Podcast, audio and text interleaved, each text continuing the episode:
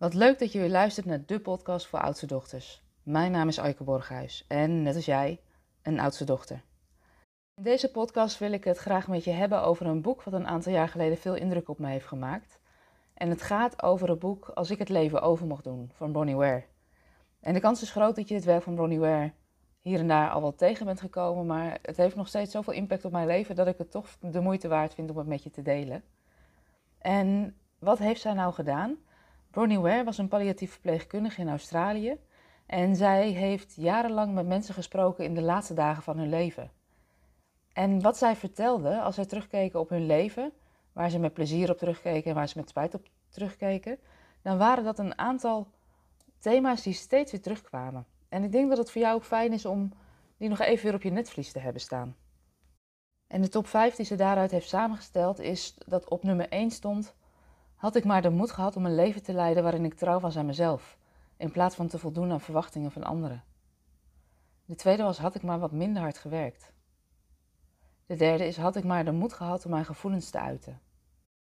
De vierde is: Was ik mijn vrienden maar niet uit het oog verloren.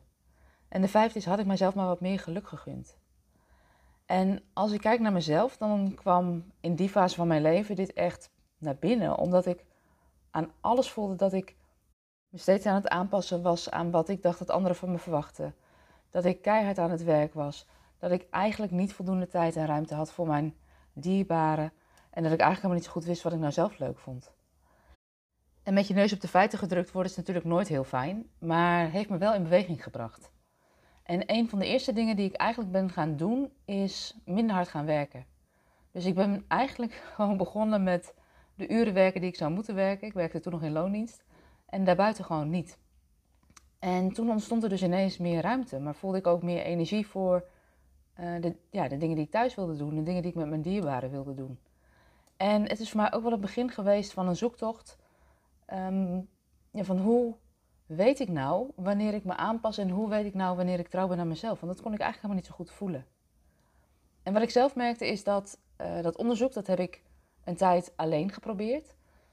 En toch merkte ik op een gegeven moment dat me dat niet lukte, omdat ik vast bleef lopen in overtuigingen die ik had, in manieren die ik dacht, maar ook dat ik niet zag wat er nog meer voor me mogelijk was.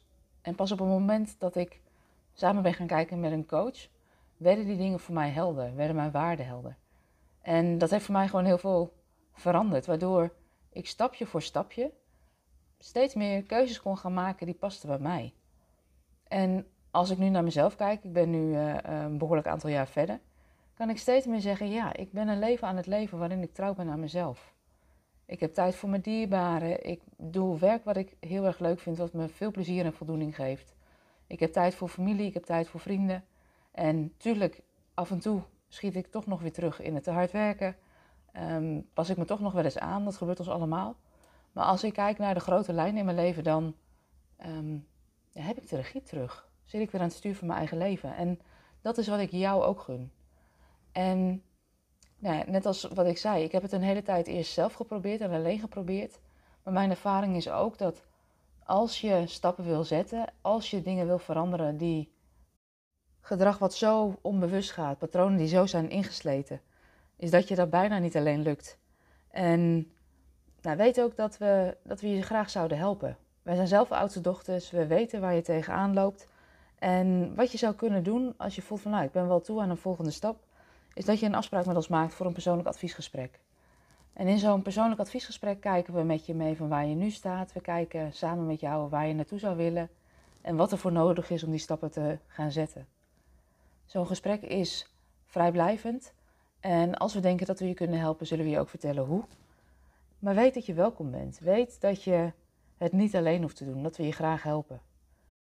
Mocht je nou voelen, ja, dat zou ik wel willen, neem dan even een kijkje op de website www.oudstedochter.com en dan kan je onder het tapje persoonlijk adviesgesprek een afspraak met ons plannen.